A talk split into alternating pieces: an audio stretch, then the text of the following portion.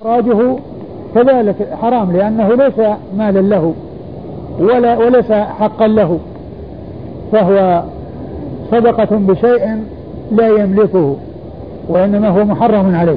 فلا يقبل الله صدقة من غلوه لأنها ليست من ماله وليست من ملكه. والله تعالى طيب لا يقبل إلا طيبا وهي ليست من الطيب بل هي من الخبيث. يعني آه، آه، آه، الذي جاء عن طريق الغلول. ولا صلاة بغير طهور. ولا نعم. ولا صلاة بغير طهور. يعني لا يقبل الله صلاة بغير طهور.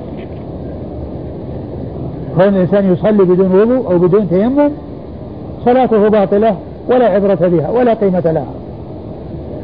بل يتحتم على المسلم ويلزمه عند إرادة الصلاة أن يتوضأ. إذا قمتم إلى الصلاة فاغسلوا وجوهكم. إذا أردتم القيام إلى الصلاة فاغسلوا وجوهكم. هذا فرض لازم. وإذا صلى الإنسان على غير طهارة وهو قادر على استعمال الماء أو التيمم عند فقد الماء فإن صلاته لا تصح ولا تكون مقبولة عند الله. أما إذا كان الإنسان ليس قادرا على الماء ولا على التيمم فإنه يصلي على حسب حاله. ولا يكلف الله نفسا إلا وسعها ولا تسقط الصلاة. إذا عجز الإنسان عن الماء وعن التيمم فالذي يكون مربوطا في سارية ويأتي وقت الصلاة وهو لا يستطيع لا وضوء ولا صلاة ولا ولا تيمم. لا يقال إنه لا صلاة عليه وأن الصلاة تسقط عنه لا وإنما ما دامت الروح في الجسد فلا بد من الصلاة. فيصلي على حسب حاله. يصلي على حسب حاله. ولكن الشيء الذي لا يقبله الله هو الذي يكون معه قدرة على الطهور سواء كان الوضوء أصلا أو ما يقوم مقام الوضوء الذي هو التيمم. وهذا يدلنا على أن التيمم فرض أن الوضوء فرض. لازم لا بد منه. وأنه لا تقبل الصلاة إلا بوضوء أو ما يقوم مقام الوضوء الذي هو التيمم. نعم. قال حدثنا مسلم بن إبراهيم. مسلم بن إبراهيم الفراهيدي الأزدي وهو ثقة أخرجه أصحاب كتب الستة. عن شعبة. عن شعبة بن الحجاج الواسطي ثم البصري. وهو ثقة وصف بأنه أمير المؤمنين في الحديث وحديث أخرجه أصحاب كتب الستة. عن قتادة. عن قتادة من دعامة السدوسي البصري وهو ثقة أخرجه أصحاب كتب الستة. عن أبي المليح. عن أبي المليح ابن أسامة بن عمير وهو ثقة أخرجه أصحاب كتب الستة. عن أبيه. عن أبيه أسامة بن عمير وهو وهو صحابي أخرجه أصحاب السنة الأربعة. أحسن الله إليكم ما ذكرتم من قضية الصدقة من الغلول يكثر السؤال عن من يضع ماله في البنوك الربوية هل يأخذ هذه المسمى بالفوائد؟ وإذا أخذها هل له أن يتصدق بها أو ماذا يعمل؟ لا لا لا يأخذ لا يأخذ اللي يسمونها فوائد وهي مضار. يسمونها فوائد وهي مضار وليست بفوائد في الحقيقة. الإنسان إذا أراد أو احتاج إلى أن يودع في مكان في بنك من البنوك فإن كان معروفا أن هذا المكان لا يتعامل بالربا هذا هو الذي ينبغي أن يودع فيه. وإذا كان لم يجد إلا بنكا يتعامل بالربا وهو مضطر إلى الإيداع فيه فيودع لكن لا يأخذ الربا المحرم. وإذا تمكن من أن يجد بنكا يؤجر خزائن يودع بها المال فإن هذا هو الذي ينبغي أن يفعل لأنه في هذه الحالة لا يمكن البنك من أن يتصرف في ماله بالربا لأنه يستأجر الخزانة ويأخذ مفتاحها ويأتي ويضع يجد نقوده على رباطها وعلى هيئتها وشكلها. البنك لا علاقة له بها يدفع الإجرة ويكون بذلك لم يمكن البنك. فبعض البنوك تعمل هذا العمل. فإذا وجد بنوك من هذا القبيل فإن الاستئجار منها والإيداع بها والإيداع بهذه الخزانة التي لا يتمكن البنك من التصرف في المال الذي فيها هذا هو الأولى والأفضل.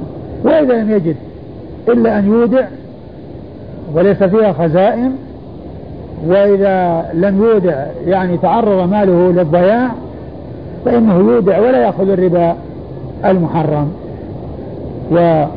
بل التصدق من الحرام هو مثل ما يقول الشاعر كمطعمة الأيتام من كد فرجها. لك الويل لا تزني ولا تصدقي. كمطعمة الأيتام من كد فرجها لك الويل لا تزني ولا تصدقي. جزاكم الله خيرا.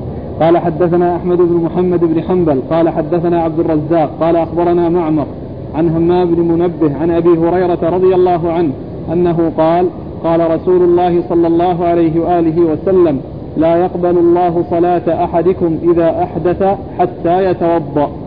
ثم ورد أبو داود حديث أبي هريرة رضي الله تعالى عنه أن النبي صلى الله عليه وسلم قال لا يقبل الله صلاة أحدكم إذا أحدث حتى يتوضأ.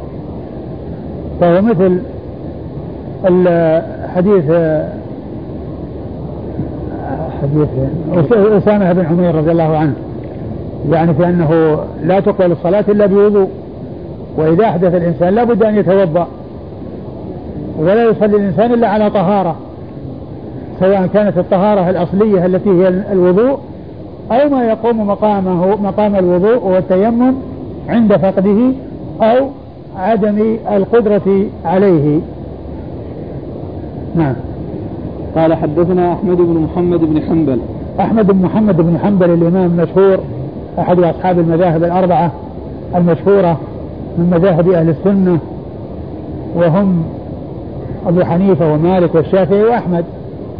هؤلاء الأربعة هم الذين اشتهرت مذاهبهم لأنه وجد لهم تلاميذ عنوا بنشر مذاهبهم وتدوينها والعناية بها حتى بقيت وكانت بين أيدي الناس.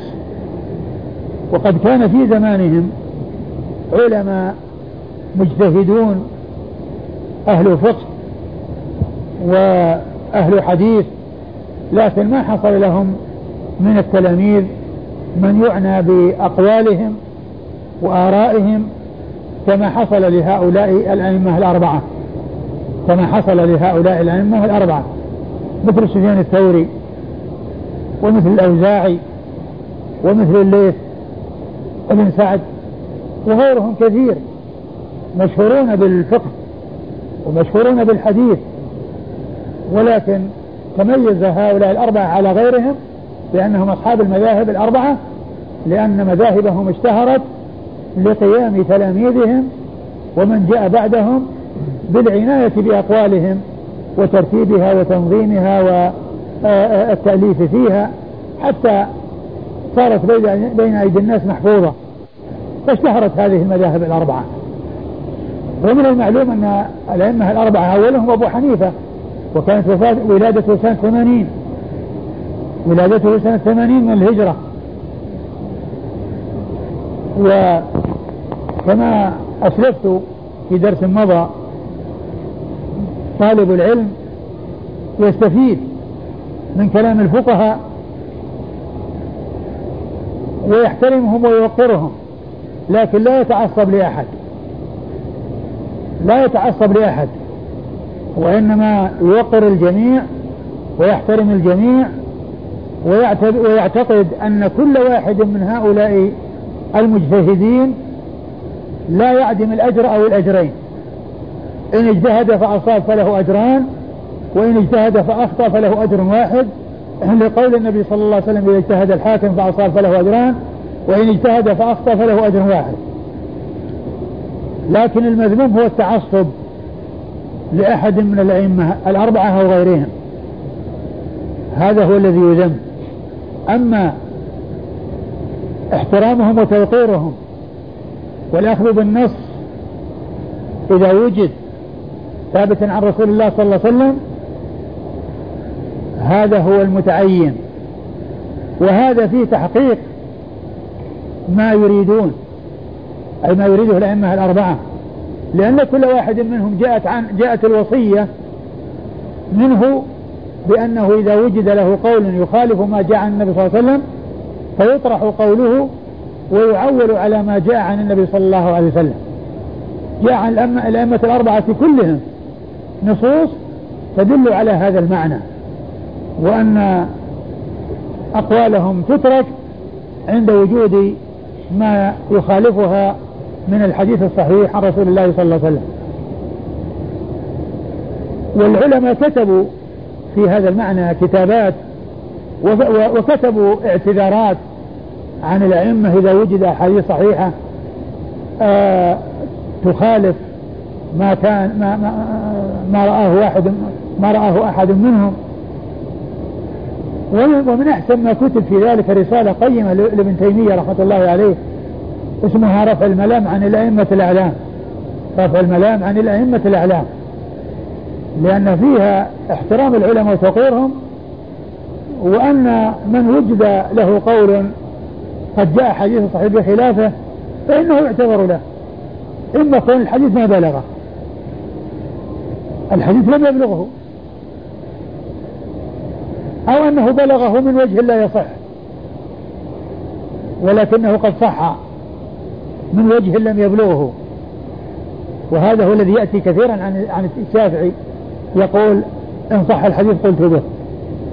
فيأتي بعض أصحابه كان البيهقي والنووي ويقولون وقد صح الحديث فهو مذهب الشافعي. لأنه قال إذا إن صح الحديث قلت به وقد صح. وهو علق القول به على الصحة لأنه ما ورد ما وصل إليه من طريق صحيح. ما وصل إليه من طريق صحيح. ويقول الشافعي رحمة الله عليه أجمع المسلمون على أن من استبانت له سنة رسول الله صلى الله عليه وسلم لم يكن له أن يدعها لقول أحد كائنا من كان. أجمع المسلمون على أن من استبانت له سنة رسول الله صلى الله عليه وسلم لم يكن له أن يدعها لقول أحد كائنا من كان. لكن العلماء يحترمون ويوقرون ويثنى عليهم ويدعى لهم ويترحم عليهم ويستغفر لهم ولكن لا غلو ولا جفا الحق وسط بين الإفراط والتفريط. لا غلو فيهم فيتعصب الإنسان. ولا جفا بأن يتهاون الإنسان فيهم ولا يعرف لهم أقدارهم أو ينال منهم ويتكلم فيهم بما لا ينبغي فهذا لا يليق. وإنما التوسط والاعتدال هذا هو المطلوب في الأمور. لا إفراط ولا تفريط لا غلو ولا جفا لا يغلو في أحد منهم فيقول إنه هو الذي لا يترك قوله وهو الذي يعول على قوله وهو الذي لا يخفى عليه شيء عن الرسول صلى الله عليه وسلم. ولو كان في المسألة حديث ما خفي على الإمام وهكذا من عبارة الغلو. ويقابلها عبارة الجفاء الذي لا يوقر الأئمة ولا يحترمهم وقد ينال منهم ويتكلم فيهم بما لا ينبغي. الواجب هو احترامهم وتوقيرهم والأخذ بوصاياهم وهي التعويل على الدليل إذا جاء عن رسول الله صلوات الله وسلامه وبركاته عليه. نعم. محمد بن حنبل عن عبد الرزاق. عن عبد الرزاق بن همام الصنعاني اليماني ثقة وقد أكثر عنه الإمام أحمد وروى عنه وهو من شيوخه. نعم. عن معمر عن معمر بن راشد الأزدي البصري ثم اليماني وهو ثقة أخرجه أصحاب كتب الستة. عن همام بن منبه. عن همام بن منبه هو ثقة أخرجه أصحاب كتب الستة. عن أبي هريرة. عن أبي هريرة عبد الرحمن بن صخر الدوسي صاحب رسول الله صلى الله عليه وسلم وهو أكثر الصحابة حديثا عن الإطلاق وهو وهذه وهذه الطريق التي هي عبد الرزاق عن معمر عن همام عن أبي هريرة هذه أو هذا هو الطريق الذي جاءت به آه، صحيفة همام منبه المشهورة. صحيفة همام بن منبه المشهورة تبلغ يعني آه، أحاديث كثيرة جدا وكلها بإسناد واحد. كلها بإسناد واحد. يعني عبد الرزاق عن معمر عن همام عن أبي هريرة. ومسلم رحمة الله عليه في صحيحه روى أحاديث كثيرة منها عن شيخه محمد بن رافع. محمد بن رافع عن عبد الرزاق عن معمر عن أبي هريرة. وكانت بإسناد واحد إلا أن الفرق بين كل حديث وحديث يقول وقال الرسول صلى الله عليه وسلم كذا وقال صلى الله كذا وقال الرسول كذا. إسنادها واحد ولكن يفصل بين كل حديث وحديث يقول وقال رسول الله صلى الله عليه وسلم كذا. ولهذا اختلف اختلفت طرائق الأئمة في الرواية من الصحيفة التي جاءت بإسناد واحد. فبعضهم يروي جزءا منها بنفس الإسناد وكأن الإسناد مركب على كل جزئية منها فيأخذ قطعة من الحديث التي فيها قال رسول كذا ويأتي بالإسناد الأول ويرتبه عليها. أما الإمام مسلم رحمة الله عليه فهو معروف بالعناية والدقة في الرواية لا بالنسبة للإسناد ولا بالنسبة للمتن. لأنه كثيرا ما يقول حدثنا فلان وفلان واللفظ فلان أو فلان قال حدثنا وفلان قال أخبرنا. ويعنى بألفاظ الرواة ويعنى بألفاظ الأحاديث ولا يروي ولا يأتي بالرواية في المعنى بل يحرص على المحافظة على الألفاظ. فكان من طريقته أنه إذا روى من حديث من صحيفة همام منبه قال إذا انتهى عن أبي هريرة عن أبي هريرة رضي الله عنه قال فذكر أحاديث. يأتي بهذه العبارة فذكر أحاديث منها وقال رسول الله صلى الله عليه وسلم كذا. فيكون عبارته دالة على أن هناك أشياء كانت بين الإسناد وبين هذا الذي أورده. لأنه لما انتهى الإسناد قال فذكر أحاديث. عن أبي هريرة رضي الله عنه آه عن أبي هريرة رضي الله عنه آه يعني آه أن النبي صلى الله عليه وسلم قال فذكر أحاديث منها وقال رسول الله صلى الله عليه وسلم كذا. هذا من عنايته ودقته. ولهذا يقول ابن حجر في فتح في تهذيب التهذيب في ترجمته حصل للإمام مسلم حظ عظيم مفرط ما حصل لأحد غيره.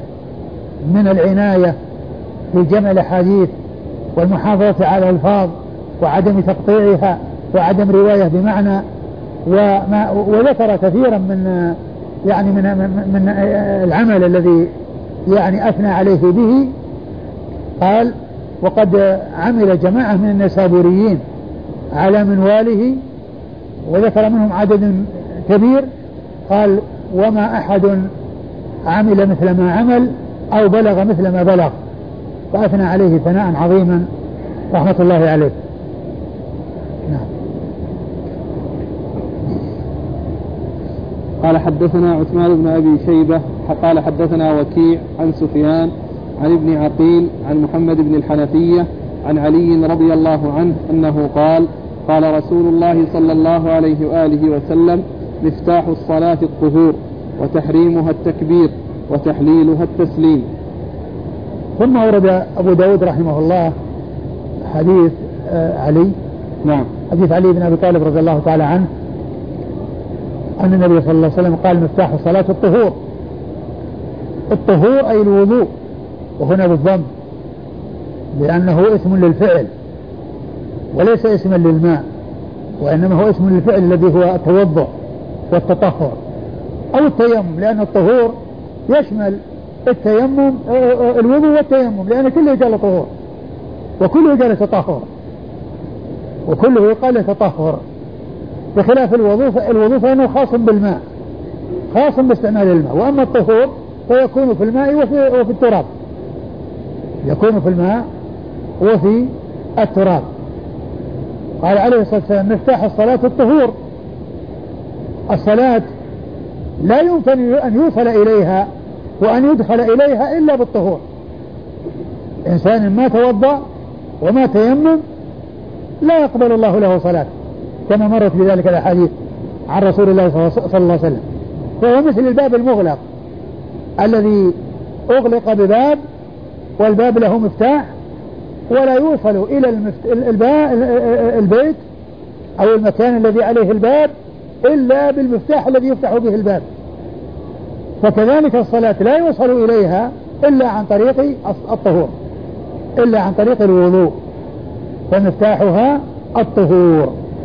مفتاح الصلاة الطهور. أيوة. وتحريمها التكبير. أي الدخول فيها يكون بالتكبير. لأن الصلاة قبل ما قبل أن يكبر الإنسان له أن يتصرف كما يشاء. يأكل ويشرب ويلتفت ويتحدث ويكلم ويذهب ويجيء قبل أن يقول الله أكبر داخلا في الصلاة. فيحرم عليه بقوله الله أكبر ما كان حلالا له قبل الله أكبر. قبل أن يقول الله أكبر الذي كان حلالا له قبل أن يقولها حرم عليه. يحرم عليه أن يتكلم بعدما يدخل الصلاة بالله أكبر. يحرم عليه أن يشرب ويأكل. يحرم عليه أن يذهب ويجيء يحرم عليه أن يتصرف ويعمل الأعمال التي تنافي الصلاة. لأن تحريمها التكبير. ثم أيضا فيه دلالة على أن تحريمها لا يكون إلا بالتكبير. فلا فلا فلا يدخل فيها بأن يقال الله أجل أو الله أعظم بل لابد من الله أكبر. ولهذا الرسول صلى الله عليه وسلم قال مفتاحها التكبير تحريمها التكبير. يعني معناه أن الدخول بها والحد الفاصل بين ما يحل قبلها وما يحرم بعدها مما يحل قبلها هو قول الله أكبر الذي هو التكبير. وكذلك قد جاء في حديث المسيء أنه قال له كبر. استقبل القبلة وكبر يعني معناه أنه يقول الله أكبر. فيدلنا على أنه يتعين لفظ التكبير. ولا يجوز ولا يجزئ أن يؤتى بلفظ آخر. يحل محل, محل التكبير. وقد قال ذلك بعض أهل العلم ولكن ذلك ليس بصحيح لأنه ينافي ما جاء في الأحاديث عن رسول الله صلى الله عليه وسلم من تعيين التكبير في الدخول في الصلاة. تحريمها التكبير وتحليلها التسليم. يعني الانتهاء منها يكون بالتسليم. الانتهاء منها يكون بالتسليم. وإذا سلم الإنسان حل له بعد التسليم ما كان حراما عليه قبل أن يسلم. كما أن تحريمها التكبير قبل ما كان قبل التكبير كان حلالا فحرم بعد التكبير وهذه الحرمة استمرت إلى حين التسليم. فلما وجد التسليم رجع إلى ما كان قبل التكبير. الذي كان جائزا قبل التكبير حل بعد التسليم. لأن تحليلها التسليم. لأن التحلل منها والخروج منها إنما يكون بالتسليم. يكون بالتسليم الخروج من الصلاة. يكون بذلك لا يكون بغيره. وليس كما قال بعض أهل العلم أن الإنسان إذا لم يبقى إلا التسليم إذا تشهد وفرغ فإنه بعد ذلك يكون انتهى من الصلاة سلم أو لم يسلم. فإن هذا ينافي ولا يتفق مع قوله صلى الله عليه وسلم تحليلها التسليم. يعني معنى التحلل منها يكون بتسليم لا يكون بغيره. فلو أن إنسانا أحدث قبل أن يسلم وبعد أن تشهد عند بعض أهل العلم يصح ذلك. ولكن عند جمهورهم لا يصح ذلك لأن قوله صلى الله عليه وسلم تحليلها التسليم يدل على أنه هو نهايتها وأنها لا تنتهي إلا بالتسليم. وأن الإنسان قبل أن يأتي بالتسليم هو في الصلاة وليس منتهيا من الصلاة. هو في الصلاة وليس منتهيا من الصلاة وإنما ينتهي منها بالتسليم. على خلاف بين أهل العلم هل بتسليمة واحدة أو بالتسليمتين؟ نعم. قال حدثنا عثمان بن أبي شيبة. عثمان بن أبي شيبة ثقة أخرجه أصحاب كتب الستة. إلا الترمذي. ها؟ إلا الترمذي؟ إيه؟ نعم. أصحاب كتب الستة إلا الترمذي. عن وكيع. عن وكيع بن الجراح الرؤاسي آه الكوفي ثقة أخرجه أصحاب كتب الستة. عن سفيان. عن سفيان وهو الثوري. سفيان بن سعيد المسروق الثوري. إذا جاء سفي... إذا جاء وكيع يروي عن سفيان فالمراد به الثوري وليس المراد بسفيان بن عيينة إذا كان مهملا غير منسوب حمل على سفيان الثوري. عن ابن عقيل. عن ابن عقيل عبد الله عبد الله بن محمد بن عقيل ابن أبي طالب وهو صدوق في حديثه لين. صدوق في حديثه لين أخرج حديثه. البخاري في الأدب المفرد وأبو داود والترمذي وابن ماجه. البخاري في الأدب المفرد وأبو داود والترمذي وابن ماجه. عن محمد بن الحنفية. عن محمد بن الحنفية ومحمد بن علي ابن أبي طالب مشهور بابن الحنفية وهو ثقة أخرجه أصحاب الكتب الستة. عن علي. عن أبيه علي عن أبيه علي بن أبي طالب رضي الله تعالى عنه وأرضاه أمير المؤمنين ورابع الخلفاء الراشدين الهادين المهديين أبو الح... أبو السبطين و وهو خير من مشى على الأرض بعد أبي بكر وعمر وعثمان رضي الله تعالى عنهم وعن الصحابة أجمعين. والله تعالى أعلم وصلى الله وسلم وبارك على عبده ورسوله نبينا محمد وعلى آله وأصحابه أجمعين. ونتوقف عن التدريس إلى يوم السبت. فنعود إلى التدريس يوم السبت إن شاء الله. جزاكم الله خيرا وبارك الله فيكم ونفعنا الله بما قلت الحديث الأخير تحليل التسليم إذا أقيمت الصلاة والمرء في صلاة نافلة هل يقطعها قطعا أو يسلم؟ الإنسان إذا كان في صلاة وأقيمت الصلاة إذا كان في أولها أو ليس في آخرها فإنه يقطعها بدون تسليم يقطعها بدون تسليم. وإذا كان يعني آه، في آه، في آخرها يتمها خفيفة.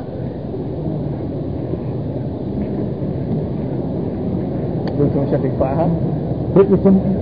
إذا إذا ما أمكنه الإتمام يعني تو في الركعة الأولى. يقطعها بدون تسليم. والحديث كيف يحمل؟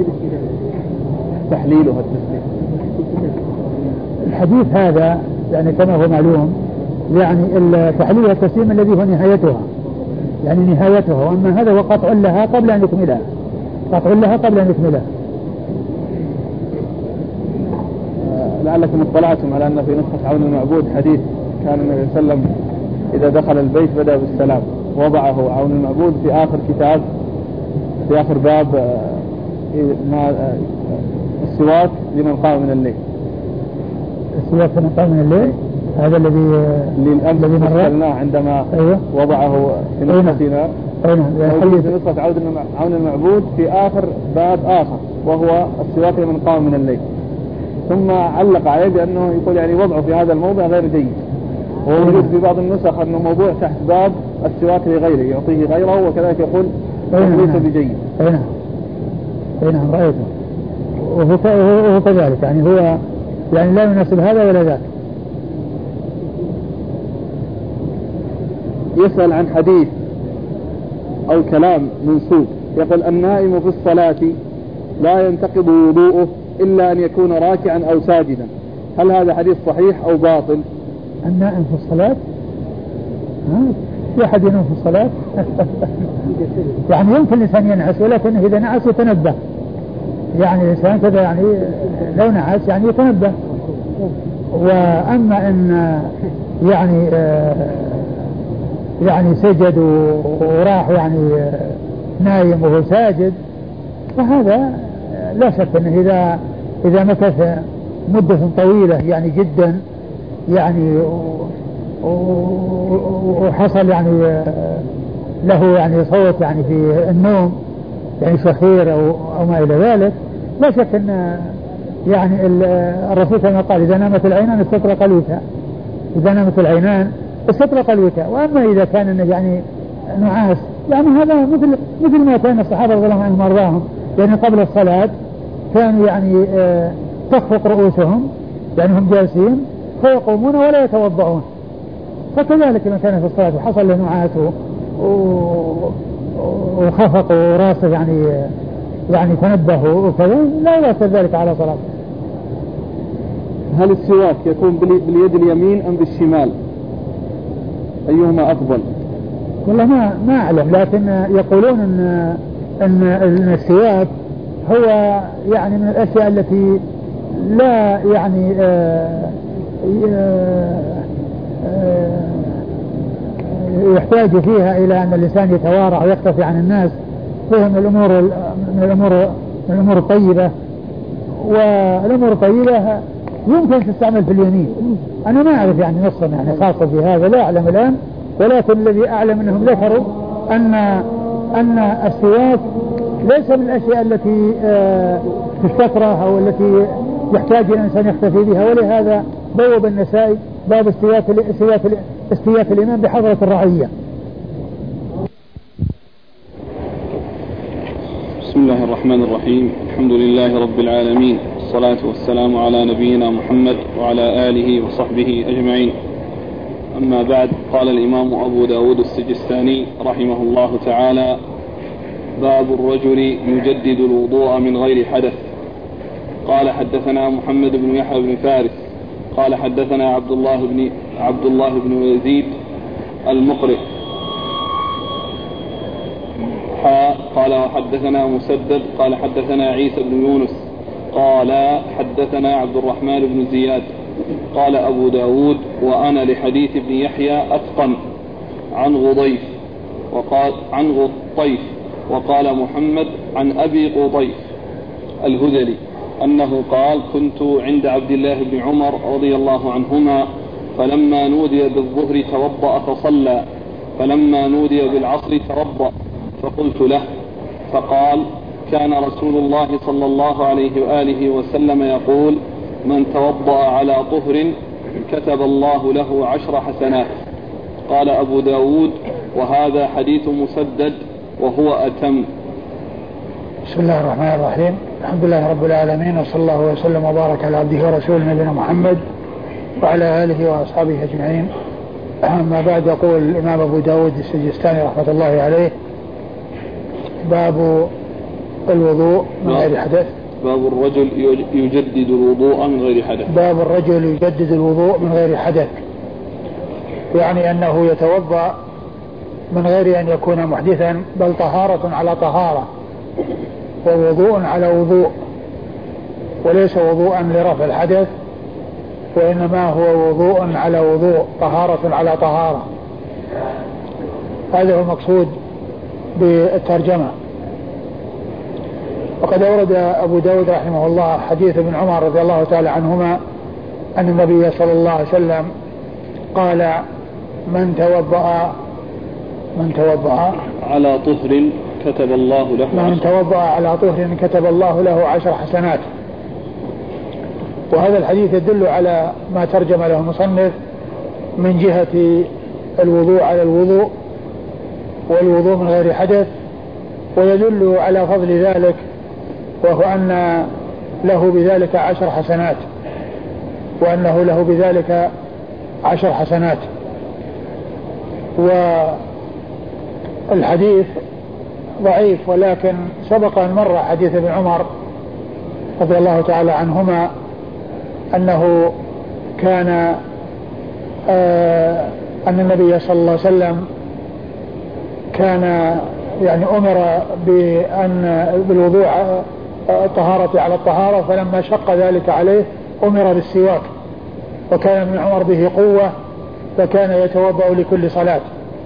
وكان ابن عمر به يرى أن له قوة أي على أن يتوضأ لكل صلاة فكان يتوضأ لكل صلاة. وأن الذي نسخ هو الوجوب وبقي الاستحباب. وقد سبق أن مر الحديث الذي أشرت إليه. وهنا الحديث هو في معناه ولكنه آه، بإسناد ضعيف. والحديث المتقدم الذي سبق أن مر وفيه ذكر الوضوء على الوضوء وأن ذلك شق ثم أمر بالسواك لكل صلاة يفهم منه أن المضمضة واجبة أو متأكدة لأن قوله أمر بالسواك عند كل صلاة يعني بدل ما كان يتوضأ لكل صلاة ويدخل في ذلك المضمضة التي فيها نظافة الفم جاء ما ينوب منابها وهو السواك لكل صلاة. نعم والإسناد قال حدثنا محمد بن يحيى بن فارس. محمد بن يحيى بن فارس هو الذهلي. هو الذهلي وهو ثقة أخرج حديث البخاري وأصحاب السنة الأربعة. عن عبد الله بن يزيد المقرئ عن عبد الله بن يزيد المقري المكي وهو ثقة أخرجه أصحاب الكتب الستة. حاء قال وحدثنا مسدد. ثم قال حاء وهي للتحول من إسناد إلى إسناد ومسدد هو مسرهد وهو ثقة أخرج حديث البخاري وأبو داود والترمذي والنسائي. عن عيسى بن يونس. عن عيسى بن يونس بن أبي إسحاق السبيعي وهو ثقة أخرجه أصحاب كتب الستة. قال حدثنا عبد الرحمن بن زياد. قال الذي هو يعني شيء أي شيخا شيخي النسائي أبي داود وهما عيسى بن يونس وعبد الله بن يزيد المقري. يعني هؤلاء هم الذين قال حدثنا عبد الرحمن بن زياد. أي شيخا شيخي أبي داود في الإسناد الأول عبد الله بن يزيد المقري وفي الإسناد الثاني آه، آه، يونس بن أبي عيسى. عيسى بن يونس بن أبي إسحاق السبيعي. هذان هم اللذان قال حدثنا آه، عبد الرحمن بن زياد وهو ابن أنعم الإفريقي وهو ضعيف ضعيف في حفظه أخرج حديثه البخاري في المفرد. نعم. وأبي داود وابن ماجه. أخرج حديث البخاري في المفرد وأبو داود. والترمذي وابن ماجه. أبو داود والترمذي وابن ماجه. قال أبو داود وأنا لحديث ابن يحيى أتقن. قال أبو داود وأنا لحديث ابن يحيى أتقن أي شيخه الأول.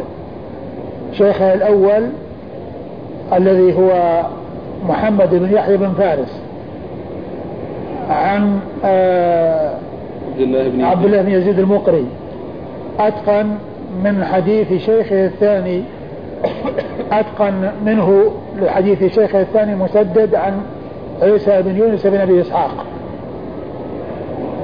وقد أورده على لفظ شيخه الثاني وهو مسدد الذي لم يكن أتقن لحديثه وهو لا يؤثر. لأنه يعني كونه أتقن وكون هذا دونه واختار أن يرويه على يعني رواية من هو دونه أو الذي لم يكن متقنا جدا لحديثه لا يؤثر ذلك. نعم. قال عن غطيف عن؟ غطيف عن غطيف بالطاء. غطيف و... و... وقال الشيخ الثاني أبي أبي وقال محمد عن أبي غطيف. وقال أبي محمد عن أبي غضيف. يعني بالطاء يا شيخ. بالطاء؟ إيه؟ بالطاء؟ الموجود هنا. بالضاء ولا بالطاء؟ بالطاء. بالطاء. نعم. أي هو الأول كذلك بالطاء. نعم. أي نعم. غطيف أو أبي غطيف يعني أحد الشيخين قال غطيف والشيخ والشيخ الثاني قال أبي غطيف وهو الهذلي. نعم. نعم. أبي غطيف الهذلي وهو, وهو مستور. مجهول. وهو مجهول. أخرج هذا أبو داود. والترمذي وابن ماجه. أخرج هذا أبو داود والترمذي وابن ماجه. قال كنت عند عبد الله بن عمر. ثم ذكر ذلك عن ابن عمر وعبد الله بن عمر هو آه، الصحابي الجليل, الجليل أحد العباد الأربعة من أصحاب النبي صلى الله عليه وسلم وأحد السبعة. المعروفين بكثرة الحديث عن النبي صلى الله عليه وسلم وفي الإسناد رجلان أحدهما ضعيف والثاني مجهول فالإسناد ضعيف ولكن آه، جواز الوضوء يعني وتجهيز الوضوء هذا سائغ ولا بأس به. وقد سبق أن مر الحديث الذي كان فيه ابن عمر يتوضأ لكل صلاة لأنه يجد بذلك قوة وأن الذي يعني نسخ هو الوجوب والاستحباب قد بقي. نعم. قال أبو داود وهذا حديث مسدد وهو أتم. يعني هذا اللفظ الذي أورده هو لفظ مسدد. أي شيخه الثاني وهو أتم يعني آآ آآ آآ أي أن ذاك الذي هو شيخ الأول هو محمد بن يحيى فارس يكون أنقص. وقد رواه على رواية من هو أتم وعلى رواية من كان ليس متقنا لحديثه على التمام والكمال. نعم. قال رحمه الله تعالى باب ما ينجس الماء. قال حدثنا محمد بن العلاء وعثمان بن أبي شيبة والحسن بن علي وغيرهم. قالوا حدثنا أبو أسامة عن الوليد بن كثير عن محمد بن جعفر بن الزبير عن عبد الله بن عبد الله بن عمر عن أبيه رضي الله عنه أنه قال سئل رسول الله صلى الله عليه وآله وسلم عن الماء وما ينوبه من الدواب والسباع فقال صلى الله عليه وآله وسلم إذا كان الماء قلتين لم يحمل الخبث ثم قال, أيوة. قال أبو داود وهذا لفظ ابن العلاء وقال عثمان والحسن بن علي عن محمد بن عباد بن جعفر. قال أبو داود وهو الصواب. ثم أورد أبو داود هذه الترجمة باب ما ينجس الماء. باب ما ينجس الماء. نعم. ما ينجس الماء يعني إذا وقع فيه. يعني ما الذي ينجس الماء أو الذي ينجس الماء إذا وقع فيه؟ أو ما الذي ينجس الماء إذا وقع فيه؟ لأن الماء يقع فيه شيء ينجسه وأشياء لا تنجسه. يعني يقع فيه أشياء طاهرة ويقع فيه أشياء نجسة. وإذا وقع فما الذي إذا وقع فيه ينجسه؟ ما الذي إذا وقع فيه ينجسه؟ أو ما هو المقدار الذي إذا كان في حدوده ينجس بوقوع النجاسة فيه وما كان أكثر من ذلك فإنه لا ينجسه شيء. أورد فيه حديث أبو داود حديث ابن عمر رضي الله تعالى عنهما أن النبي صلى الله عليه وسلم قال إذا بلغ الماء قلتين لم يحمل الخبث. وكان قد سئل عليه الصلاة والسلام عن الماء أي الذي يكون في الفلاة وما ينتابه من السباع والدواب. يعني حيث تمشي فيه وتخوض فيه وتبول فيه ويحصل روثها فيه. فما الذي ينجسه وما الذي لا ينجسه؟ فالنبي صلى الله عليه وسلم أجاب بأن الماء إذا بلغ قلتين لم يحمل الخبث. إذا بلغ الماء قلتين يعني إذا كان كثيرا. وحد الكثرة بلوغه القلتين. والقلتين هما أشهر أو أصح ما قيل فيهما أنهما القلال الكبيرة. وهي الرواية الكبيرة الراوية الكبيرة راويتان كبيرتان. إذا بلغ الماء هذا المقدار فإنه لا يحمل الخبث. ومعنى لا يحمل الخبث يعني لا يعني ينجس لا يكون نجسا بوقوع النجاسة فيه. إذا بلغ قلتين إذا بلغ قلتين فإنه لا ينجس. وقوله لا يحمل الخبث يعني أنه يعني يدفعه عن نفسه.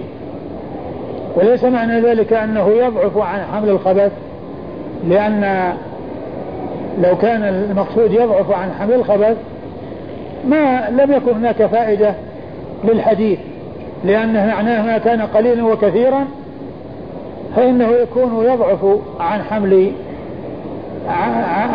عن حمل الخبث. يعني معناه أنه تؤثر فيه النجاسة يعني قل أو كثر. والحديث جاء للتفريق والتفصيل والتبيين بين ما يكون قليلا تؤثر فيه النجاسة وبين ما يكون كثيرا لا تؤثر فيه النجاسة. والنبي صلى الله عليه وسلم حدده بقلتين. وقال إنه لا يحمل الخبث وجاء في بعض الروايات أنه لا ينجث. يعني معناه أنه يدفع النجاسة عن نفسه. لكن سيأتي في الحديث بعد هذا أن النبي صلى الله عليه وسلم قال الماء لا ينجسه شيء. الماء لا ينجسه شيء. وجاء في بعض الروايات لا ينجسه شيء إلا ما غلب على لونه أو طعمه أو ريحه.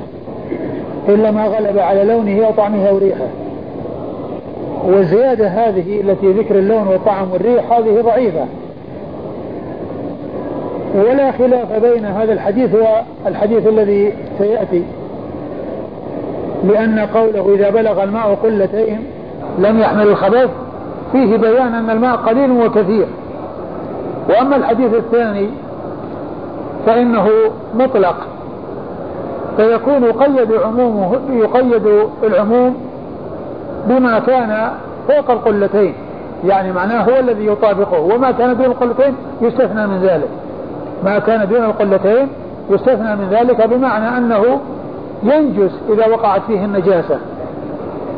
لكن إذا تغير اللون, والطعم والريح للماء القليل وللكثير الذي بلغ قلالا كثيرة إذا تغير بالنجاسة لونا أو طعما أو ريحا فإنه يكون نجسا. وقد أجمع العلماء على ذلك على أن النجاسة إذا وقعت في ماء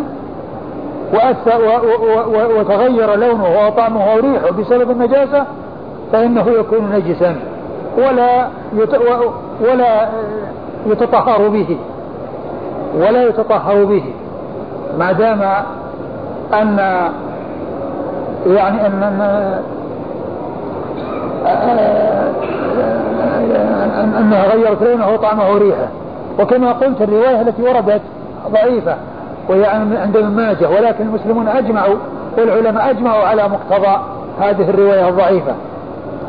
معناها ثابت من حيث الإجماع ولا خلاف بين العلماء فيها وأن النجاسة إذا غيرت لونا أو طعما أو ريحا للماء فإنه لا يجوز استعماله ويكون نجسا. ولو كان كثيرا جدا. إذا كان ماء كثير جاء نجاسة أكثر منه. أو يعني مثله أو أقل منه ولكنها غيرت لونه وطعمه وريحه فإنه يكون نجسا ولا يجوز استعماله. ولا يجوز استعماله. وإذا فعلى هذا عندنا في عندنا هذا الحديث إذا بلغ الماء قلة لم يحمل الخبث وعندنا حديث الماء طهور لا ينجسه شيء. إلا ما غلب على لونه طعمه وريحه يعني بالإجماع على هذا لا بالحديث الضعيف الذي ورد في ذلك. وعلى هذا فإن قوله إذا بلغ الماء قلتين لم يحمل الخبث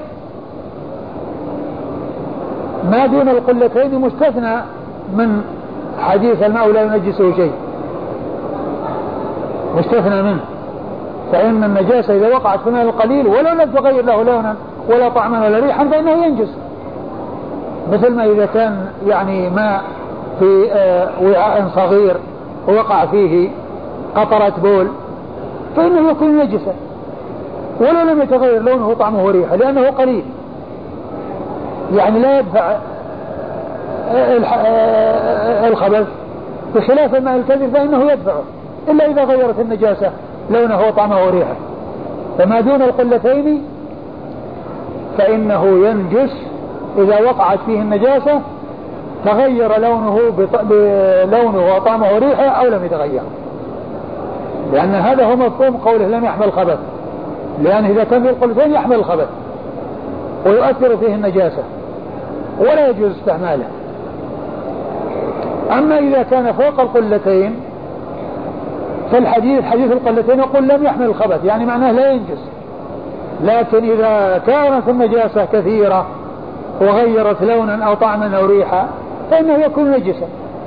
والإجماع قائم على أن النجاسة إذا غيرت اللون أو الطعم أو الريح ولو كان الماء قلالا كثيرا فإنه يكون نجسا بذلك. فإذا كل واحد من الحديثين خص منه شيء. كما إذا بلغ الماء قلتين لم يحمل الخبث يعني معنى ما زاد على القلتين؟ يحمل الخبث إذا تغير لونه وطعمه وريحه للحديث الثاني والإجماع الذي يعني انضم إليه. وقوله الماء لا ينجسه شيء يستثنى من ذلك ما دون القلتين فإن النجاسة تؤثر فيه ولا يتغير له لونا أو طعما أو ريحا. وحديث القلتين الذي معنا ضعفه بعض أهل العلم. ومنه ابن القيم في كتابه تهذيب السنن. فقد أطال الكلام في تضعيفه وقد صححه جماعة من أهل العلم واحتجوا به واعتبروه ثابتا. منهم يحيى بن معين والدار قطني وابن حبان وابن خزيمة والحاكم وغيرهم. صححوا هذا الحديث واعتبروه. وقالوا إن الكلام الذي فيه لا يؤثر من جهة أنه جاء في بعض الألفاظ أنه محمد رواته محمد بن عبد الله بن الزبير محمد بن ابن ابن جعفر بن الزبير وثاني محمد بن عباد بن جعفر. يعني كون هذا أو هذا أو عبيد الله بن عبد الله بن عمر أو عبد الله بن عبيد الله. كل ذلك لا يؤثر. يعني وجود الاختلاف. لأن الحديث جاء عن هذا وعن هذا. جاء عن هذا وعن هذا. فالحديث صحيح. ويعني لا يؤثر فيه الاختلاف. نعم. قال حدثنا محمد بن العلاء. محمد بن العلاء بن كريب أبو كريب. ثقة. أخرج له أصحاب كتب الستة. وعثمان بن أبي شيبة. وعثمان بن أبي شيبة ثقة. أخرج له أصحاب كتب الستة إلا الترمذي. والحسن بن علي. والحسن بن علي الحلواني وهو ثقة. أخرج حديث أصحاب كتب الستة إلا النسائي. وغيرهم قال وغيرهم. يعني معناه أن أبا داود رواه عن جماعة ولكنه اكتفى بذكر هؤلاء الثلاثة وأشار إلى أن غيرهم أيضا حدث بهذا الحديث ولكنه اقتصر على ذكر هؤلاء الثلاثة. عن أبي أسامة. عن أبي أسامة حماد بن أسامة وهو ثقة أخرجه أصحاب كتب الستة. عن الوليد بن كثير. عن الوليد بن كثير وهو صدوق أخرج حديثه أصحاب كتب الستة. عن محمد بن جعفر بن الزبير. عن محمد بن جعفر بن الزبير وهو ثقة أخرج حديثه. أصحاب الكتب. ها؟ الستة. أصحاب الكتب الستة؟ نعم. واللي بعده؟ لكن محمد بن عبد الله بن جعفر محمد بن عباس بن جعفر. أخرج له أصحاب الكتب الستة. كلهم؟ أي حتى الأول هذا اللي هو محمد بن عبد الزبير محمد بن جعفر. طيب تأكد. محمد بن جعفر بن الزبير.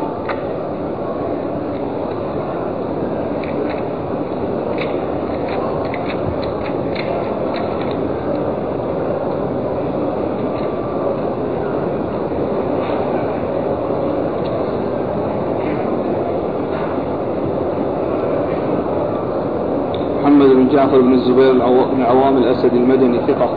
خرج له. السادس أخرج له أصحاب الكتب. أصحاب الكتب؟ نعم. خرج له أصحاب الكتب الستة.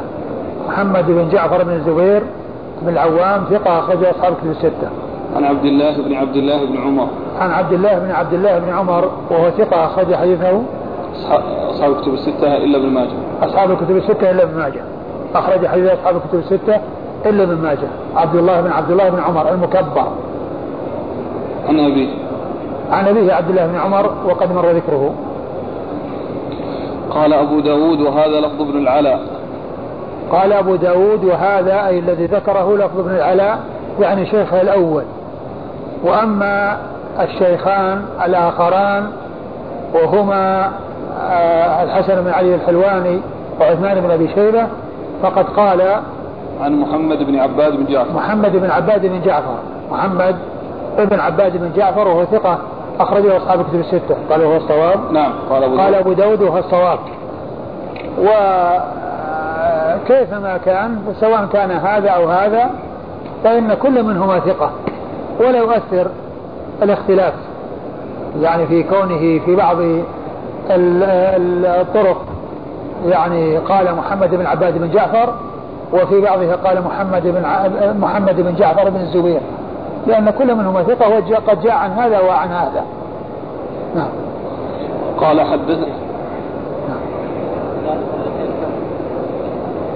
مقدار قلتين مقدار القلتين ما أعرفه يعني بالتحديد يعني بال هذا ولكن قالوا أنه القربتين كبيرتين التي هي قلال قلال هجر. قلتين من قلال هجر. قوله أحسن الله إليك سئل عن الماء وما ينوبه من الدواب والسباع. فما حكم سؤر الدواب والسباع؟ سؤر سؤر الدواب والسباع يعني إذا يعني شربت من الشيء. الكلب سؤره معروف ورد يعني ما يدل على يعني نجاسته وأنه يراق وأنه يغسل سبع مرات آه يعني أولاهن بالتراب. أولاهن بالتراب. وأما غيرها فإن الأصل أن سؤرها لا ينجس ولا تؤثر ولا يؤثر النجاسة ولكن المقصود ليس هو السؤر وإنما المقصود هو يعني كونها تخوض فيه وتبول ويحصل الروث يعني منها وهذا هو الذي يكون سببا في نجاسة الماء. قال حدثنا موسى بن إسماعيل قال حدثنا حماد حاء قال وحدثنا أبو كامل قال حدثنا يزيد يعني بن زريع عن محمد بن إسحاق عن محمد بن جعفر أنه عن محمد بن جعفر قال أبو كامل ابن الزبير عن عبيد الله بن عبد الله بن عمر عن أبيه رضي الله عنه أن رسول الله صلى الله عليه وآله وسلم سئل عن الماء يكون في الفلاح فذكر معناه. ثم ورد أبو داود رحمه الله الحديث من طريق أخرى عن ابن عمر رضي الله تعالى عنهما وحال إليها بالمعنى يعني معنى ما ذكر اللفظ ولكنه قال إنه بمعنى الحديث المتقدم يعني إذا بلغ الماء قلتين لم يحمل الخبث إذا بلغ الماء قلتين لم يحمل الخبث يعني معنى هذا الحديث وليس هذا اللفظ لأن هذا المقصود إذا قال معناه. أما إذا قيل لفظه أو مثله فإنه يقتضي المماثلة والمساواة. وأما إذا قيل معناه يعني معناه أن المعنى واحد واللفظ فيه اختلاف. واللفظ فيه اختلاف. نعم. قال حدثنا موسى بن إسماعيل. موسى بن إسماعيل التبوذكي أبو سلمة وهو ثقة أخرجه أصحاب كتب الستة. عن حماد وهو بن سلمة وهو ثقة أخرج حديث البخاري تعليقا ومسلم وأصحاب السنة. قال حاء وحدثنا أبو كامل. ثم أورد حاء التحويل وقال حدثنا أبو كامل وهو الفضيل بن حسين الجحدري وهو ثقة أخرج له. البخاري تعليقا ومسلم وأبو داود والنسائي. البخاري تعليقا ومسلم وأبو داود والنسائي. عن يزيد يعني ابن زريع. عن يزيد يعني بن زريع وهو ثقة أخرجه أصحاب كتب الستة. عن محمد بن إسحاق. عن محمد بن إسحاق بن يسار المدني وهو صدوق أخرج حديث البخاري تعليقا ومسلم وأصحاب السنن. عن محمد بن جعفر. عن محمد بن جعفر وهو ابن الزبير الذي سبق أن مر في الإسناد الذي قبل هذا.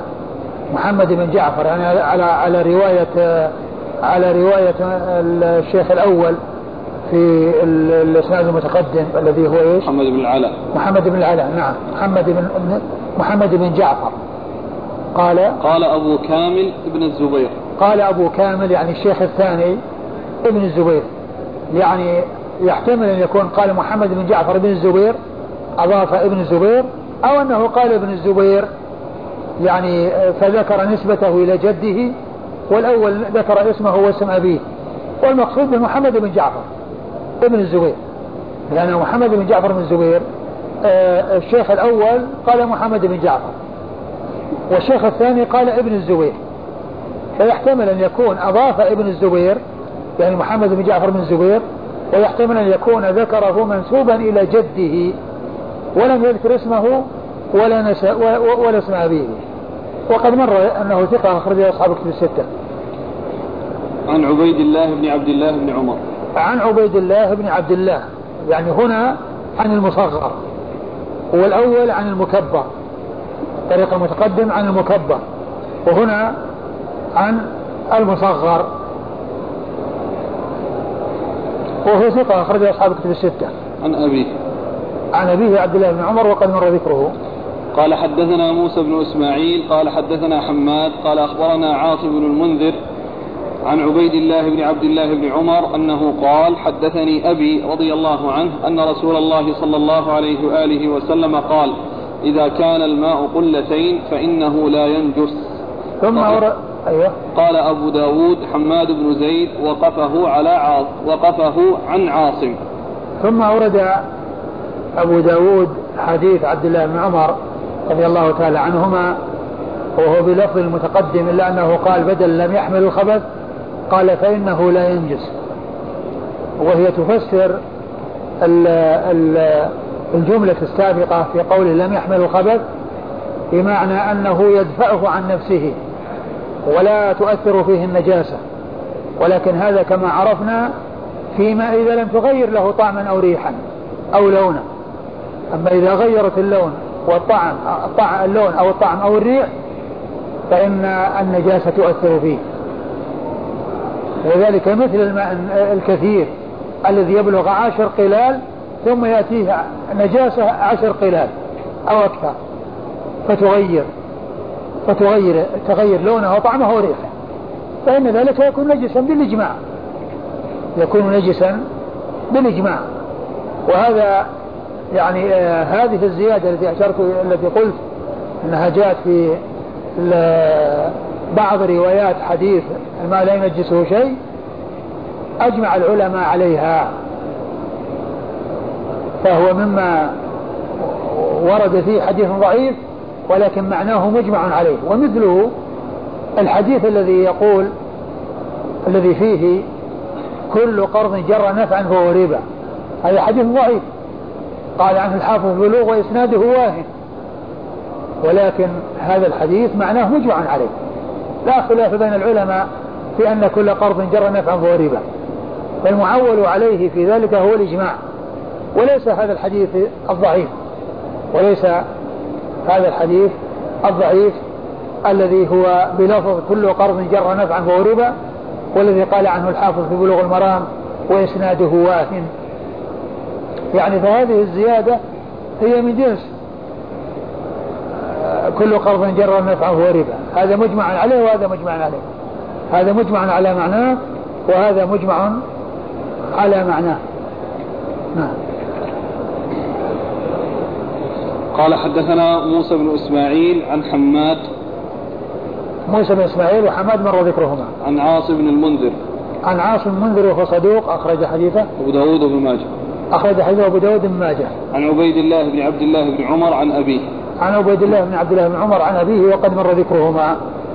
وبعدين قال إيش؟ قال أبو داود حماد بن زيد وقفه عن عاصم. يعني أنه جاء الحديث من طريق حماد بن زيد. وحماد بن زيد ثقة أخرج حديث أصحاب الكتب الستة عن عاصم وهو ابن المنذر وقد جاء موقوفا يعني ليس مرفوعا إلى رسول الله صلى الله عليه وسلم ولكنه جاء مرفوعا من طرق متعددة فالمعتبر الرفع وليس الوقف. قال رحمه الله تعالى باب ما باب ما جاء في بئر بضاعة. قال حدثنا محمد بن العلاء والحسن بن علي ومحمد بن سليمان الأنباري قالوا حدثنا أبو أسامة عن الوليد بن كثير عن محمد بن كعب عن عبيد الله بن عبد الله بن رافع بن خديج عن أبي سعيد الخدري رضي الله عنه أنه قيل لرسول الله صلى الله عليه وآله وسلم أنا توضأ من بئر بضاعة وهي بئر يطرح فيها الحيض ولحم الكلاب والنتن. فقال رسول الله صلى الله عليه وآله وسلم الماء طهور لا ينجسه شيء. قال أبو داود وقال بعضهم عبد الرحمن بن رافع. ثم ورد أبو داود هذه الترجمة ما جاء في بئر بضاعة. ما جاء في بئر بضاعة وبئر بضاعة هي بئر كانت معروفة في المدينة يعني في شماليها في شمالي المسجد وكانت آه، الماء فيها غزيرا والماء كان فيها كثيرا. وقد سئل رسول الله صلى الله عليه وسلم عن الوضوء منها وهي آه، تطرح فيها الأشياء النجسة. فالرسول صلى الله عليه وسلم قال الماء طهور لا ينجسه شيء. وما جاء من أنه تطرح فيها ليس معنى ذلك أن الناس يأتون ويلقون النجاسات في تلك البئر.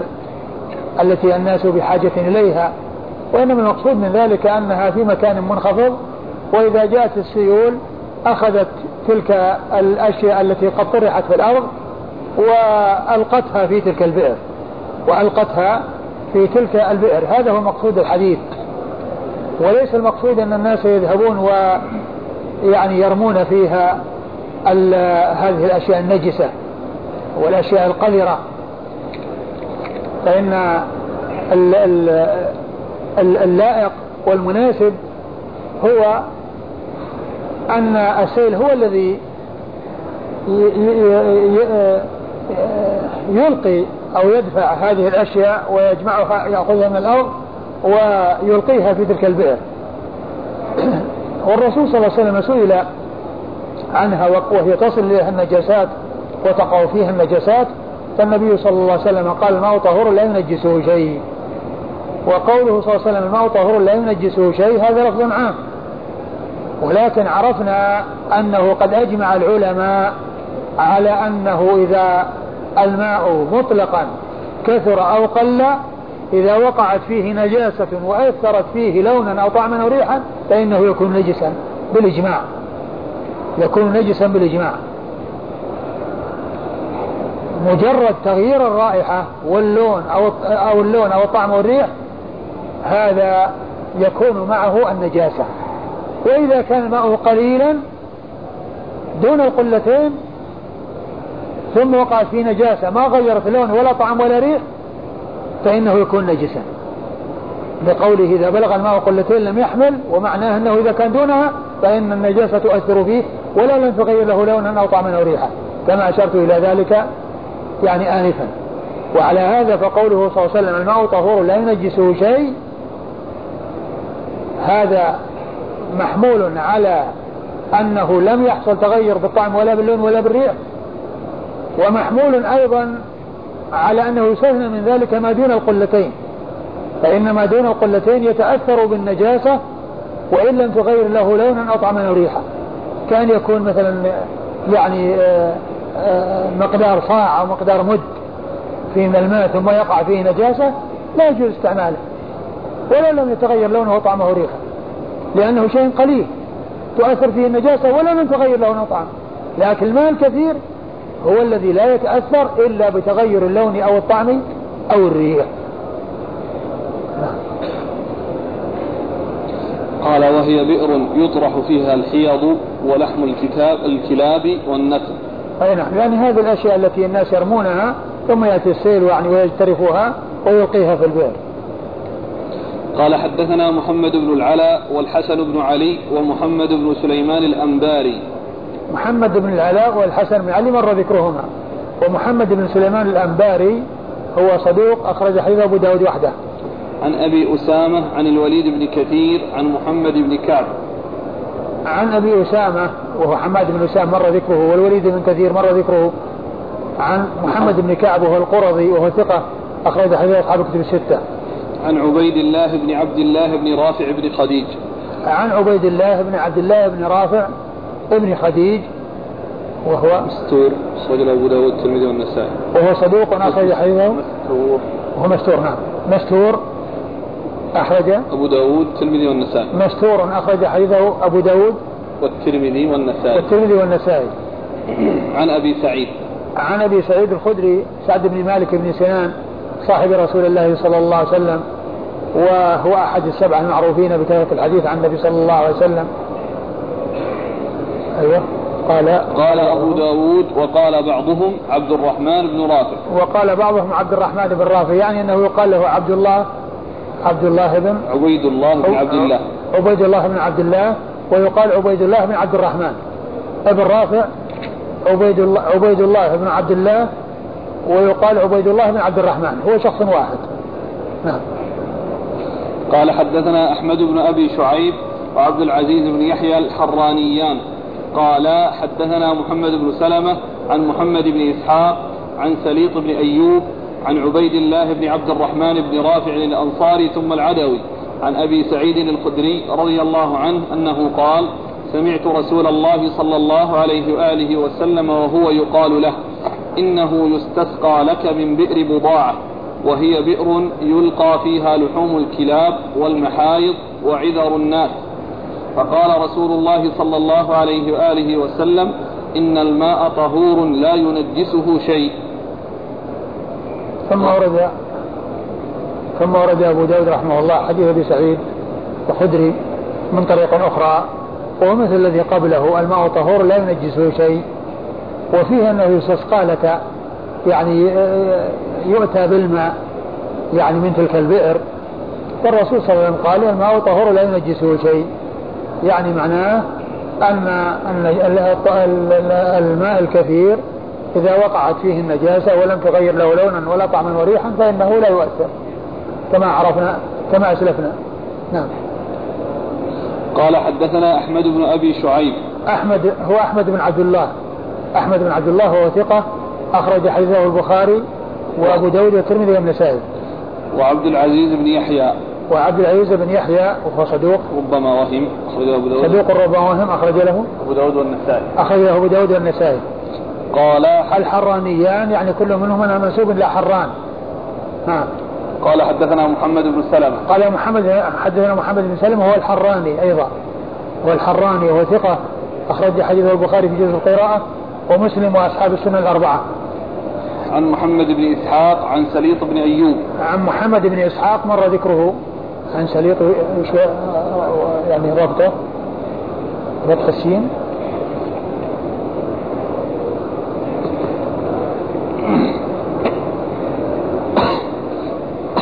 بفتح أوله وكسر اللام. نعم بفتح أوله وكسر اللام سليط سليط بن أيوب وهو مقبول أخرجه أبو داود والنسائي. وهو مقبول أخرج حديث أبو داود والنسائي. عن عبيد الله بن عبد الرحمن بن رافع الأنصاري ثم العدوي عن أبي سعيد الخدري. يعني ذكره هنا عبيد الله بن عبد الرحمن وهناك عبيد الله بن عبد الله. يعني وهو, وهو الذي مر. نعم. قال أبو داود وسمعت قتيبة بن سعيد قال سألت قيم بئر بضاعة عن عمقها. قال أكثر ما يكون فيها الماء إلى العانة. قلت فإذا نقص. قال دون العورة. قال أبو داود وقدرت أنا بئر بضاعة بردائي فمددته عليها ثم ذرعته فإذا عرضها ستة أذرع. وسألت الذي فتح لي البستان فأدخلني إليه. هل غير بناؤها عما كانت عليه؟ قال لا ورأيت فيها ماء متغير اللون. ثم أورد أبو, أبو داود رحمه الله كلاما حول يعني بئر بضاعة وعمقها من ناحية ال ال كون الماء يعني يكون فيها يعني عمقه وغزارته وكذلك أيضا يعني آه، عرضها ويعني المساحة بين طرفيها فذكر عن شيخه قتيبة بن سعيد ذكر أبو داود عن شيخه قتيبة بن سعيد أنه أنه سأل قيمها أي القائم عليها وقتيبة بن سعيد من شيوخ أبي داود ومن شيوخ البخاري ومسلم فقال إنه إذا كان الماء كثيرا فيها فوق العانة. فوق العانة يعني معناه يعني أنه آه، أقل من آه، السرة فوق العانة. وقال وإذا نقص يكون دون العورة. ومعنى هذا أن الماء غزير وأنه ينمو ويكثر بحيث أنه يعني يتراوح بين يعني هذا المقدار وهذا المقدار الذي هو فوق العانة وهو قريب مما تحت العورة. ما فوق العانة قريب مما تحت العورة. ومعناه أنه يعني يظهر وينبع ويعني ويكون غزيرا ويكون كثيرا فلا تؤثر فيه آه النجاسة. هذا هو الذي آه آه قاله قتيبة بن سعيد لتلميذه أبي داود فيما يتعلق بكثرة مائها ومقداره وأنه يكون فوق العانة ودون فوق العانة إذا كان كثيرا ودون العورة إذا كان قليلا.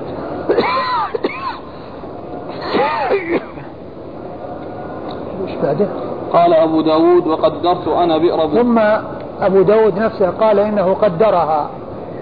يعني قدر يعني آه، فوهة البئر وقال أنه مد عليها رداءه يعني من طرف إلى طرف فكان مقدار ستة أذرع.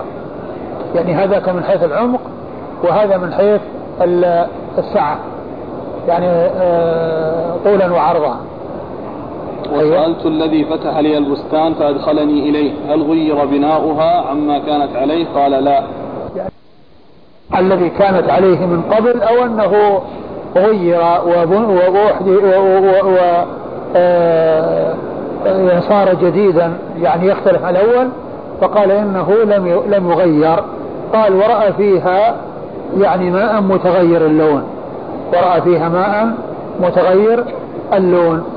والمقصود من بئر بضاعة ما قاله الرسول صلى الله عليه وسلم فيها أو أتى باللفظ العام لأنه سئل عن بئر يعني معينة والماء يكون فيها كثيرا وقد أجاب صلى الله عليه وسلم بكلام عام يشمل هذه البئر وغير البئر حيث قال الماء طهور لا ينجسه شيء الماء طهور لا ينجسه شيء. وفي رواية وفي وعند وعن أبي أمامة رضي الله عنه عند ابن ماجه بزيادة إلا ما غل إلا ما غير لونه وطعمه وريحه وقد عرفنا أن هذه الزيادة ضعيفة ولكن معناها مجمع عليه بين العلماء. نعم. صلى الله عليك يسأل عن حكم الحديث. الحديث هذا؟ الحديث. صحيح صحيح ثابت لأن مداره عندنا الآن على عبيد الله بن عبد الله وابن عبد الرحمن. بن خديج بن رافع بن خديج وهو مستور. هو صحيح عند العلماء العلماء صححوه. صحح يعني جماعة من أهل العلم. ويعني يعني لعل ذلك يعني لطرق متعددة. الحديث مشهور.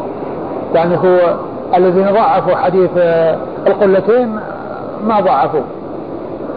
الذين ضعفوا حديث القلتين ما ضعفوه. ابن القيم ضعف حديث القلتين وما ضعف هذا الحديث. قال رحمه الله تعالى باب الماء لا يجنب. والله تعالى أعلم وصلى الله وسلم وبارك على عبده ورسوله نبينا محمد وعلى آله وأصحابه أجمعين.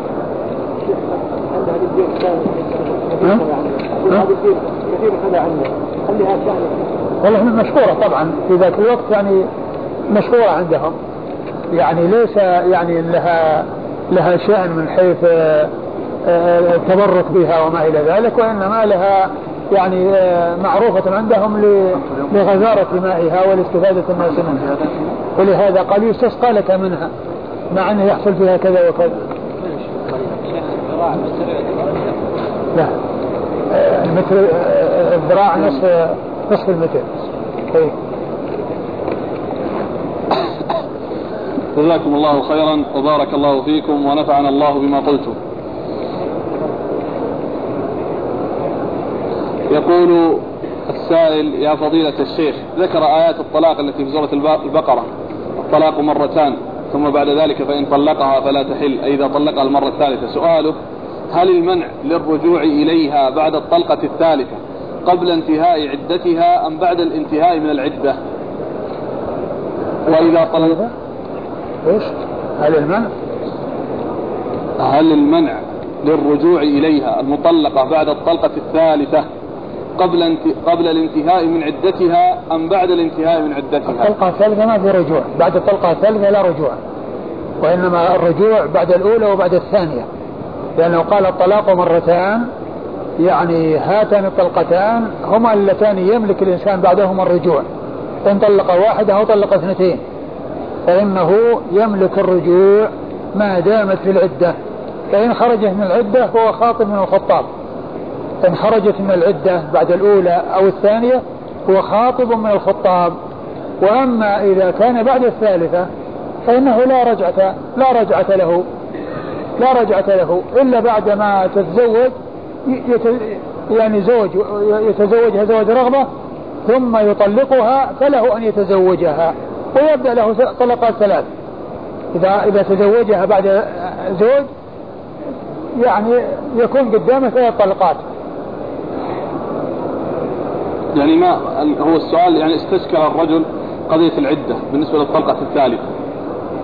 العدة في عدة من أجل يعني يعني من أجل براءة الرحم ومن أجل يعني ال يعني ال يعني أيضا يعني تطويل ال ال المسافة أمام من يريد أن يعني يعني أن يرجع إليها بأي طريق لأنها العدة لا عدة المطلقة ثلاثة لكن لا رجعة فيها هذه العدة وإنما هي مدة معتبرة ولا رجعة له فيها وإلا العدة لا عدة عليها عدة. ويسأل كذلك فيقول وإذا طلقها في شدة الغضب هل الطلاق صحيح؟ هذا فيه خلاف بين أهل العلم ولا أجيب عليه يعني ما يسأل غيري عنه. يقول هل يجوز العمل في إحدى البنوك الموجودة في الساحة؟ البنوك التي تتعامل في الربا لا يجوز العمل فيها لأن النبي صلى الله عليه وسلم لعن آكل الربا ومؤكله وكاتبه وشاهديه. والإنسان إذا كان موظفا فيها يكون من الكتبة وداخل تحت هذه اللعنة التي جاءت عن رسول الله صلى الله عليه وسلم. فإذا كانت البنوك تتعامل بالربا فلا يجوز الإنسان أن يعمل فيها. يقول فضيلة الشيخ عدم تزوج النبي صلى الله عليه وآله وسلم على خديجة رضي الله عنها طوال حياته أو طوال حياتها. هل هل يدل على أنه يراعي مشاعرها نظرا لمكانتها في الإسلام؟ عدم إيش؟ عدم تزوج النبي صلى الله عليه وسلم على خديجة أيوه. طوال حياته معها هل يدل على أنه يراعي مشاعرها نظرا لمكانتها في الإسلام لا أدري الله أعلم ما حكم تقصيد السيارات كما هو في عصرنا البيع بالتقسيط جائز لا بأس به. كون السلعة يعني تكون إذا كانت ناجزة لها سعر وإذا كانت يعني مؤجلة لها سعر والإنسان يعني يدخل إما على هذا أو على هذا لا بأس بذلك. بيع التقسيط يسمونه بيع التقسيط الذي هو بيع الآجال لا بأس به لأنه ليس هناك دليل يدل عليه. والحديث الذي فيه من يعني باع بيعتين فله أوكسهما والربا فسره العلماء بأنه ليس من هذا القبيل وإنما المقصود به كونه يعني آه يكون يعني سعر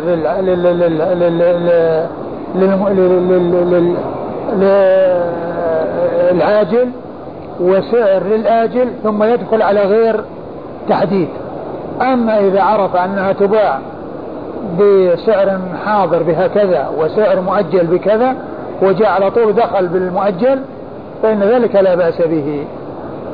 والشوكاني في كتابه نيل الأوطار عند شرح حديث آه، البيعتين في بيعة قال ويعني أن العلماء يعني ذهبوا إلى جوازه وأنه لم يخالف في ذلك إلا شخص واحد أو شخصين سماهما في كتابه نيل الأوطار عند شرح هذا الحديث. وقال وقد ألفت في ذلك رسالة سميتها شفاء شفاء العليل في زيادة فيما في آه، زيادة الثمن من أجل التأجيل. في زيادة الثمن من أجل التأجيل. وقال إن جمهور العلماء على جوازها وأنه لا مانع يمنع منها. هل الإجماع يخصص النصوص الشرعية استدلالا بتخصيص حديث الماء طهور لا ينجسه شيء؟ الأمة لا تجمع على ضلالة لكن هل الإجماع يكون آه، مستندا إلى نص؟ أو أنه يكون إجماعا مجرد عن مجردا عن النص؟ خلاف بين أهل العلم. والأمة لا تجتمع على ضلالة. وقد يكون يعني الإجماع مبنيا على نص يعني استنباط أو على قياس أو على أي دليل من الأدلة على القول بأن الإجماع لا يكون إلا مستند إلى نص. فالإجماع هذا يدل على أن هذه الرواية الضعيفة لا أصل. أقول لها أصل. وأن الأمة مجمعة على ذلك. وهذا يقول يقول الأصوليون إن الإجماع لا بد أن يستند إلى دليل شرعي. فكيف يستقيم هذا مع الرواية الضعيفة المجمع هذا كما قلت يعني المسألة خلافية في الأصول. منهم من قال إن الإجماع يعني يقع ويكفي دون أن يكون مستند إلى نص. ومنهم من يقول إنه لا يكون إلا مستند إلى نص. وهذا النص قد يكون قياسا وقد يكون عموما وقد يكون نصا خاصا يعني في المسألة. قد يكون هذا وقد يكون هذا وقد يكون هذا يعني يعني المهم إنه مستند إلى دليل. و آه، آه، ابن تيمية في كتابه آه، معارج الوصول إلى معرفة أن أصول الدين وفروعه قد بينها الرسول صلى الله عليه وسلم. ذكر يعني عن ابن حزم أنه قال في كتابه مراتب الإجماع ما من مسألة أجمع عليها إلا ولها نص. حاشا القراض. يعني مسألة القراض الذي هو يعني آه، آه، اللي هو المضاربة. لأن القراض والمضاربة اسمان لمسمى واحد. وكل إنسان يعني عنده مال ويعطيه لعامل يعمل فيه. ويكون ربح بينهما على النسبة التي يتفقان عليها. نصفين أو ثلث وثلثين أو ربع ذات أرباع وهكذا. ثم قال ابن تيمية ولا شك أن القراض مستند إلى نص وذلك أن هذه معاملة كانت في الجاهلية وقد جاء الإسلام وأقرها. وقد جاء الإسلام وأقر هذه المعاملة فهي مستندة إلى نص وهو الإقرار. لأن النبي صلى الله عليه وسلم جاء وهذه المعاملة موجودة والناس يتعاملون بها وقال إن النبي صلى الله عليه وسلم كان يعني آه، آه، يذهب بمال لخديجة يعني وكان يعني آه، مضاربة. فهي معاملة في الجاهلية وقد أقرها الإسلام. ومن المعلوم أن الأمور التي تفعل في الجاهلية منها ما جاء الإسلام وقضى عليه وأبطله ومنها ما جاء الإسلام وأقره. مثل الولي في النكاح فإنه كان في الجاهلية وقد جاء الإسلام وأقره. ومثل المضاربة يعني كانت موجودة في الجاهلية وجاء الإسلام وأقرها فتكون ثابتة بالسنة وهي إقرار الرسول صلى الله عليه وسلم للأعمال التي كانت في الجاهلية ولم يبطلها ولم يلغها صلى الله عليه وسلم بل أقرها. فالمسألة ما هي باتفاقية فيها خلاف بين العلم ولكن كما قلت لكم ابن تيمية يقول ابن ابن حزم قال هذا وابن تيمية قال إن هذه المسألة اللي قال فيها ابن حزم أيضا هي من المعاملات التي كانت في الجاهلية وأقرها الإسلام. فضيلة الشيخ ألا يقال إن حديث بئر إن حديث بئر بضاعة دل على أن الماء لا ينجس سواء كان قليلا أو كثيرا. وقد خص وقد خص منه الإجماع إذا كان قليلا أو كثيرا. إذا كان متغير إذا تغير وكان قليلا أو كثيرا. وإن حديث القلتين دل بمفهومه أن الماء إن كان قليل فهو محتمل. قد يحمل الخبث وقد لا يحمل الخبث والمنطوق مقدم على المفهوم. ويقول وهذا الجمع ذهب إليه كما قال الشيخ عبد الله البسام في توضيح الأفكار مذهب أنه مذهب مالك والظاهرية وابن تيمية وابن القيم ومحمد بن عبد الوهاب وعلماء الدعوة السلفية بنجد وغيرهم. علماء الدعوة السلفية يعني قاطبة على هذا يعني غير واضح لأن الإمام أحمد وغيره يعني من أهل العلم يعني قالوا بأن اعتبار حديث القلتين وتمييز تقسيم الماء إلى قليل وكثير استنادا إلى حديث القلتين. لكن يعني ما دون القلتين. يعني كما قال الذين قالوا بنجاسته لم يشترطوا فيه التغير لأن التغير حتى الماء الكثير يؤثر فيه. لكن القليل هذا هو الذي ما ينتظر أو ما يشترط فيه تغير نجاسة لو كان مثلا مقدار بياله أو مقدار يعني كوب يعني وقع فيه يعني شيء من البول ولم يغير له لون ولا طعم ولا قال خلاص نستعمله لأنها يعني آه، ما تؤثر فيه النجاسة وهو شيء قليل والناس يعرفون أن النجاسة وقعت فيه. طبعا يعني حديث القلتين يدل يعني بمفهومه وإلا إيش معناه يعني معناه أن حديث القلتين يعني استخرج منه شيء وهو ما زاد على القلتين بأنه إذا تغير يعني يؤثر فيه النجاسة. وما دون القلتين استخرج من حديث ما استثني من حديث ما لا ينجسه شيء. يعني معناه انها تؤثر فيه النجاسة وإن لم تغير له لون لون فكل حديث كل واحد من الحديثين خص منه شيء. يعني حديث القلتين استثني منه ما فوق القلتين إذا تغير اللون والطعم والريح. فإن قوله إذا بلغ ما قلة لم يحمل خلاص نعم اذا إذا غيرت اللون اللون وطعم الريح فانه فانه يحمل الخبث وما دون القلتين خص من عموم الماء طهور لا ينجسه شيء. لأن النجاسة كما تؤثر بالقليل إذا كان في كوب صغير وقع فيه شيء من النجاسة أو وقع فيه كذا الناس يروحون يستعملونه يقول والله ما ما تغير لونه وطعمه وريحه إذا نشربه ولا نتوضأ فيه. ما هذا ما ما هو واضح. حفظكم الله إذا صح حديث القلتين فما هو المقدار والضابط في قدرها؟ وهل يكون هذا قدحا في المتن متن الحديث؟ لا ما يكون قدحا لأن العلماء يعني ذكروا مقداره. وكما هو معلوم يعني ال ال المقصود به يعني معرفة القليل والكثير. ومعنى هذا أن الماء إذا كان يعني كثيرا يقطع الناس بأن فوق القلتين وليس يعني محتمل أن يكون يعني آه، في آه، هذا التحديد بالضبط وإنما هو فوقه مثلا ب مما يوضح أن ثلاث قلال مثلا